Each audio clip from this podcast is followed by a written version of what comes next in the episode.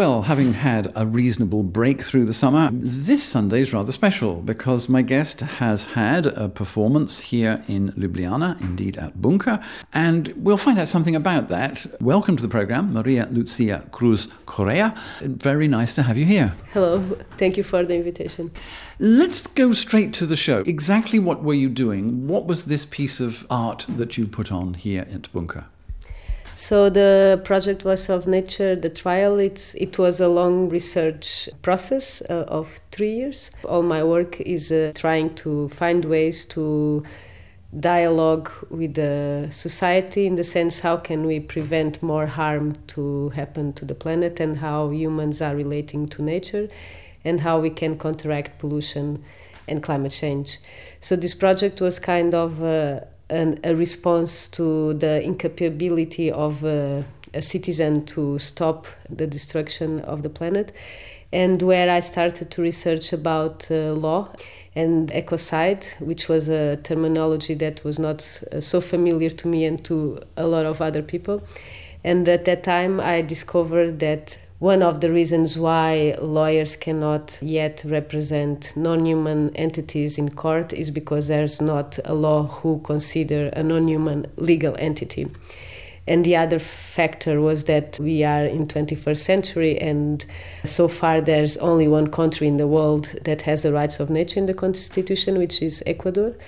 And that ecocide is not yet recognized in the roman statute so the research started actually more legally. So I went on uh, yeah field research to Ecuador to first of all understand the temporality of environmental crime because in some sort of way as uh, European citizens we don't feel yet the harm and the same as climate change nobody can yet resonate so the empathy is kind of lost in some sort of way. We, we know it's there, but we don't feel it. So for me, it was very important to understand what happens when the crime is already there and what happens to the community living along this crime what are the cultural and political implications and how the earth is affected by this crime. There are an awful lot of elements. One of the things I asked you to do for the program was to choose music as well. So let's have the first piece of music. Where shall we start? And I gather you've chosen a couple of pieces that actually relate to the project in some way. So I chose Un Indio from Caetano Veloso, and I chose this specific song because at this very moment Amazonia forest is burning. And uh, recently, Caetano Veloso has sung this song together with indigenous communities as a protest. And this song is very much about the resistance, but also the colonial impact of politicians and capitalistic systems still on the ecosystem. Let's carry on about the way in which you do your performance because this is not sitting down and allowing an audience to watch what's going on. You use a lot of participation and you expect people to be involved in what you do, don't you?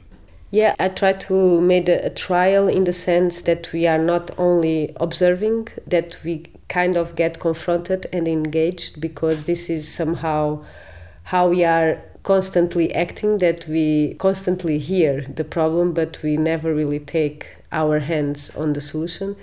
So I guess what we tried to do was to, in a way, mix the juridical system, which is a more passive proposal that you have the audience and you have the jurors. It's just the jurors have the word for the verdict. And how we try to do this trial is that we combine elements of the juridical system with restorative justice, which is a process that it's more focused in the reconciliation between perpetrator and the mm-hmm. victim. One of the flaws of the juridical system is if you want to bring change to society, you better restore the perpetrators than giving them a punishment that will make them suffer more and then we are just repeating the violent pattern that it's there ecocide is a completely different type of crime because we cannot accompany a CEO, a corporation, or a government cannot give a financial compensation to a non human entity because it cannot buy life. So it's like capital. We are talking about a capitalistic system that can no longer run in the state as the planet is right now.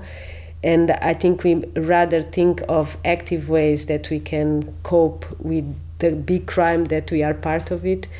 And why the piece is participatory is that in a way people can grasp deeply inside. So actually the, the performance is a process that we guide the audience through a more rational state. So we start with a dialogue with lawyers where they present the problematics of environmental crime and ecocide and also activists how they try to find other solutions when law is not able to protect the ecosystem anymore.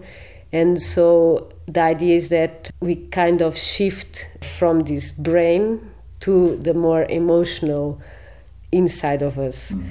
So we try to open the heart of the audience as a more an understanding that could open their hearing to other than humans. Mm-hmm. So it's a more animistic approach towards the end. Uh, fascinating. Let's have a second piece of music. Second piece, I chose Sugar Rose. I chose this specific song because it was a concert in Iceland in the middle of the beautiful landscape. They did this concert as a protest that the government was going to build a dam in these regions. The guest in the show today, Lucia, who we're talking about, and the work that she's been doing here in Ljubljana.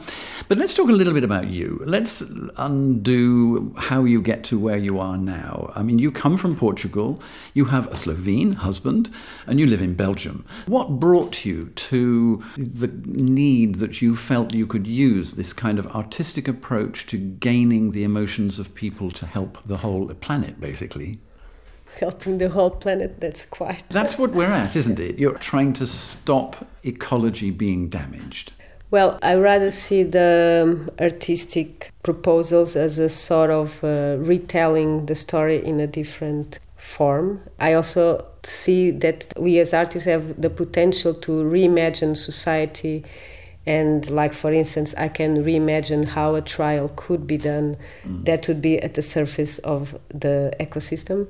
So I think we have really the ability to reshape with whatever creative means there are. We can use fiction, we can use documentary, we can just have participatory and emotional proposals that are real, that we can propose an intimacy with the non-human entities and and I think, for example, for this project, for Voice of Nature, what is interesting is that we had a long process also with lawyers to imagine how this trial could be and also how impossible it is for a lawyer to imagine a law that would be there to protect the ecosystem, but also how to represent a non human entity in court, which is one of the biggest challenges of our society today, and it was also a challenge uh, for the project. So I think sometimes actually people are expecting uh, a more rational approach in this trial. And uh, what happens is that we completely shift the performance into a very emotional and intimate collective moment where we try to restore our relationship with non-humans. How long have you felt this need to be active in this area? I mean how young were you when you first got involved in such things in a way, it's something that is in me since I'm a little child. I was born on a coastal village at the seaside, mm-hmm. so I, I am very connected to the sea and the ocean. And I think growing up in a more natural environment made me feel very connected to protecting the intact part uh, of humanity that we are kind of destroying. And I guess also this shift from uh, living in such a natural habitat, moving to urban, because of course I travel also a lot. It somehow reflects in my way of working because you are confronted uh, more directly with and exposed to the problematics of industrialization and capitalistic system and uh, yeah, I think also the shift from uh, Portugal uh, to Belgium, which is a more uh, industrialized and condensed, populated, and uh, car pollution, it's quite uh, strong. so I guess also, you know, just living in urban environments makes you like kind of suffocated like how are we living our lives and how can we commit to a shift that would bring us uh, more united to live in harmony with each other not mm. only humans and non-humans but we all should try to find ways to cohabit and uh, share yeah a honorable life uh, that is balanced in its relationships people sometimes tend to forget these more pure feelings that we have that we kind of lost. And uh, when they are confronted with a more uh, indigeneity approach, because we kind of lost our uh, traditions and our archetypes where we could have some sort of animistic approach to to nature mm. or to the silent ones I mean, certainly the Industrial Revolution has had a lot to answer for because gradually we've, we have become more connected with technology and initially with mechanical technology, but now very complex technologies evolved over actually an incredibly short period. Well, I guess technology could be used at our favor in many, many ways. yeah, I guess uh, society is not running to generate products that are at the service of humanity mm. in a way that we would find approach that is not all the time extracting colon- colonizing most of the products that are there are to serve capitalistic systems so if there are products in society that are not bringing capital to the ones in power, mm. there's no way that we can counteract that. So mm.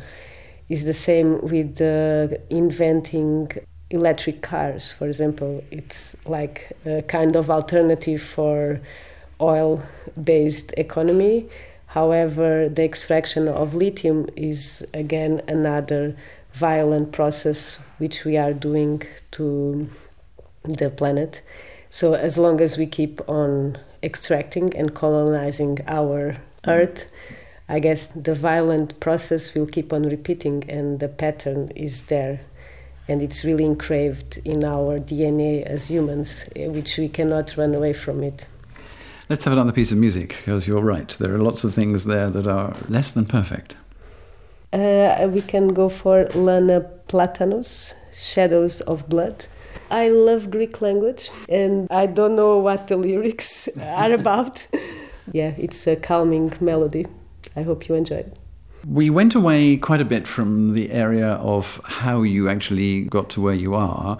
You met your husband, Slovene, where? I met in Brussels. He's also an artist. And you've also been here in uh, Ljubljana quite a few times. You, this isn't your first visit here. So, what have you been doing in the past here? Well, I met the team of Bunker three years ago through the Imagine 2020 network. And uh, I guess we have a really mutual relationship that we find each other as a family, which is something very special about the Bunker team and I'm very thankful for the collaboration over these uh, years. The collaboration with Bunker started with network Imagine 2020. And I think somehow Bunker got interested in my work because it's a work that is very much tackling ecological discourses. With Bunker, we kind of created a, a long term relationship that they have been supporting my project since then. Uh, so the first time I was here, I had a project called Common Dreams, where I had a paddle boat that was floating in Spitze, where we were uh, reimagining a future where the the city would be flooded, and how we could imagine other types of uh, political systems, community living, how we could find our resources, uh, water, food. So you can imagine the conversations can could go really beyond your imagination from eating, becoming cannibals to survive. And we also have a long term research. So, when I started research to become a guardian of nature, I withdrew for 10 days in a Slovenian mountain where I was alone without any human around uh, to try to develop my cosmic cosmical dialogues with non-human entities and other project that I also have done in uh, Slovenia, which is not related to Bunker, but it was in Celje with the Contemporary Art Gallery, was a project on the crime that happened that Cinkarna has destroyed the land around Celje. and also many people have died with cancer at that time. There was already a, a, sort of history in Slovenia before I did this project, Voice of Nature. When audiences come and find you, let's say it's not on a one to one basis, but on a rather bigger basis, how do they react? Do they come because they already know about you, or do they come completely fresh to what you're doing? That's an answer that I don't really know how to respond. I guess most of the people who participate in my projects are spectators who are wanting to find a way to change or that are interested on environmental issues because the projects are always like proposals how to counteract pollution, how to find ways to deal also with a certain incapability of mm-hmm. changing our position in uh, environmental uh, discourses. But how can we also live within the impact of the Anthropocene, which is this epoch that we are living in, that everybody is kind of lost in the ecological uh, debates and in those meetings, do you find that sometimes people disagree with you? Is there argument in your work? Of course, there is always disagreement because everyone has its own individual approach to ecology. But I guess for me, what is important is that we try to complement each other in the problem, in the mess we mm. are in because if we keep on disagreeing with each other, we will not be able to unite as a community to prevent more crimes to happen. So I'm very sensitive to listen how others imagine the world or how they would propose solutions or how we could relate to one another. And I think it's super important to disagree, to find ways to new discourses and uh, new future. Let's have another piece of music. So I've chose ASMZ, which is a melody that you can close your eyes. It's a haunting magic. I that's how I feel this uh, song. So from the haunting magic, we will come back to your subject. I'd like to know where you feel you will go as you progress? Do you know where you're going, or does something trigger the idea that produces a piece of work that you're going to work on? I think with this project, A Voice of Nature, the Trier, because I did such a long research, I really created a network which involves lawyers, restorative justice experts, activists. At this point, I think my focus is to try to connect this network and continue the work not as a performance piece proposal but more as a collective of thinkers and people with their hands on the problems to find ways how we could make a traveling piece that could go from uh, country to country to the places where uh, victims of ecocide are being evicted and how we could create restorative justice circles where we could help the victims because for me it's super important to reimagine how we could create a new juridical system so i think bringing together artistic approaches with uh, lawyers mm. and activists it's a very strong way to reimagine but also to implement new temporary institutions in societies this is one secondary part of the project, and the other part of the project was that I have done one year of transformation to become a guardian of nature, which was more focused on animistic uh, uh, dialogues with non humans. And now we want to focus on how legally this would be possible that a European citizen could actually represent a river. Because as a citizen, we think that we cannot protect a non-human and there is this reciprocal relation that we lost because law is also not there to give us mm. the reinforcement to do so. So i would like to think of how can be possible that legally we could represent a mountain in court. I also want to talk about corporations, about people, and so on, but let's have another bit of music first a hard rain's gonna fall, which is Patti Smith singing, but it's a Bob Dylan song. And I guess I chose this specific song because it's a really poetical lyrics that shows how mess and upside down the world is. The sound of Patti Smith. I mentioned then corporations, uh, people, responsibility. There are many, many people who will be shunning your thoughts, your ideas, your collective thoughts, not just yours. Many, many millions of people have views and would like to protect the planet and its ecology. What can any solution be to try to persuade companies who are actually only interested really in money and income and, and not see what they are doing to the environment around them? I kind of feel that or discover that with restorative justice, this is really a kind of process that could work on that level because the idea is that the perpetrator comes in contact with the victim. So this is in a still very imaginary world, but there are uh, restorative experts now thinking how to do so. It's like to imagine how in a circle where everyone involved in the crime, so a CEO, a victim, so someone who lives in the community, also the workers of the corporation, the engineers, so everyone, all the spectrums of voices that are involved in a crime are together in the same room. And this creates dialogue between them, where there's not only uh, opposite forces. And the idea is that we open new dialogues because corporations are not open for dialogue.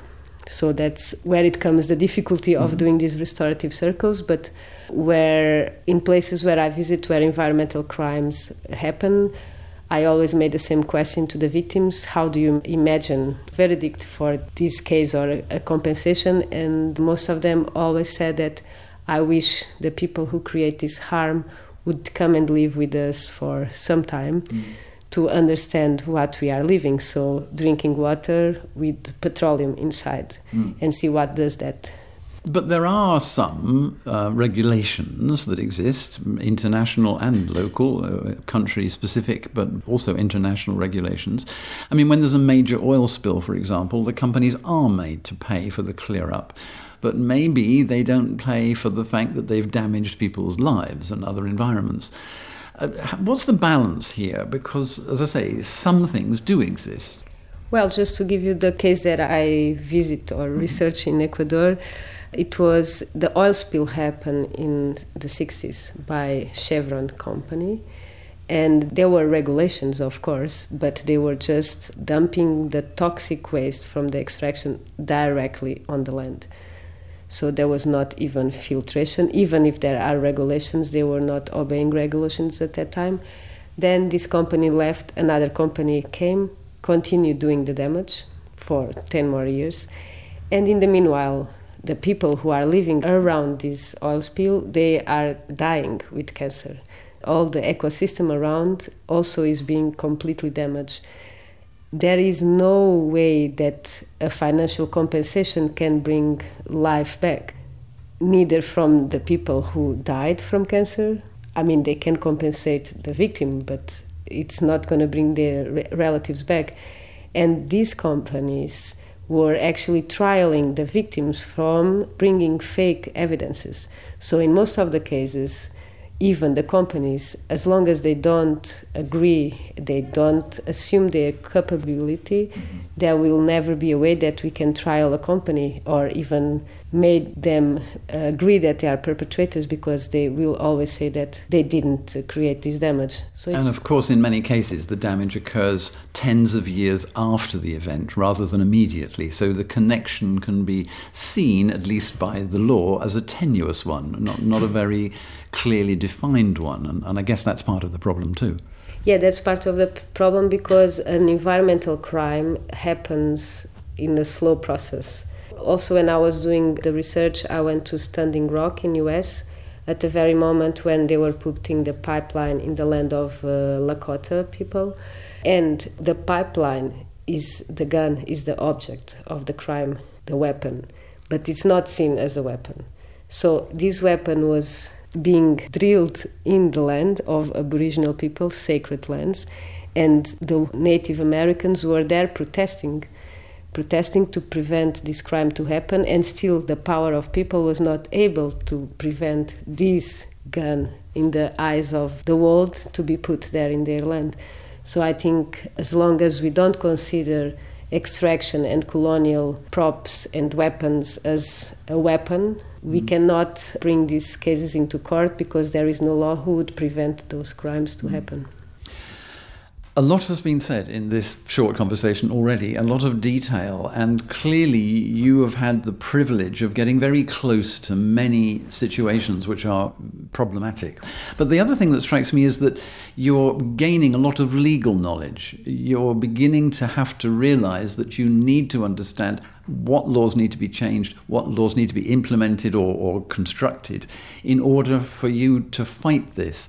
Is this an area that you think a lot of people need to be involved in? That they need to see how to solve the problem? It's not just about holding a banner up, say we want it changed. How can ordinary people, what should they be doing to really change things, which is what your artwork is based on? Well, I think in a future world, people should be more conscious about their consumerism patterns. This is one way to create an ontological shift. But I guess my proposal is more joining activist movements that are already running around that people know very well Extinction Rebellion and Climate Youth for Justice, which are empowering now the voice of the future. Also, I think it's important to get to know the work of Polly Higgins and uh, eradicating ecocide, which is not very well known in the mm. sense that still people don't know what ecocide is. And I guess we should just be a bit more conscious about our relationship with uh, non human entities and think of how much we are extracting from the earth and how much we are giving back, because uh, that's how the whole capitalistic system is working is that we keep on extracting, but what are we giving back to the planet and what are the ways that we now can contribute to prevent the harm. Yes, we can restore the land with restorative approaches, even restorative land phytoremediation and mycoremediation, but how can we stop the harm? And I guess that here is where uh, society should become more active and conscient about their active role on keeping the capitalistic system run. That's a little too late if we wait for everyone to be persuaded. We really have to work very hard, don't we? I don't think we need to work very hard, we just need to slow down. It's more about a process of degrowth and decolonizing our ways of living as climate change is accelerating also. Mm. But if we just stop and rethink how we are living, take time to reimagine how we can live in a more reciprocal way with the ecosystem without stressing the mm. acceleration, I think we could actually save time. I'm sure that's true and come more connected with the humans around us. Exactly. Maria Lucia Cruz Correa, thank you very much indeed. Thank you very much. The final thing we have to do, of course, is the final piece of music. What will it be? Uh, I chose Mansfield TYA Cavaliers. It's an energizing song to leave us to continue. Maria, thank you very much indeed. Thank you.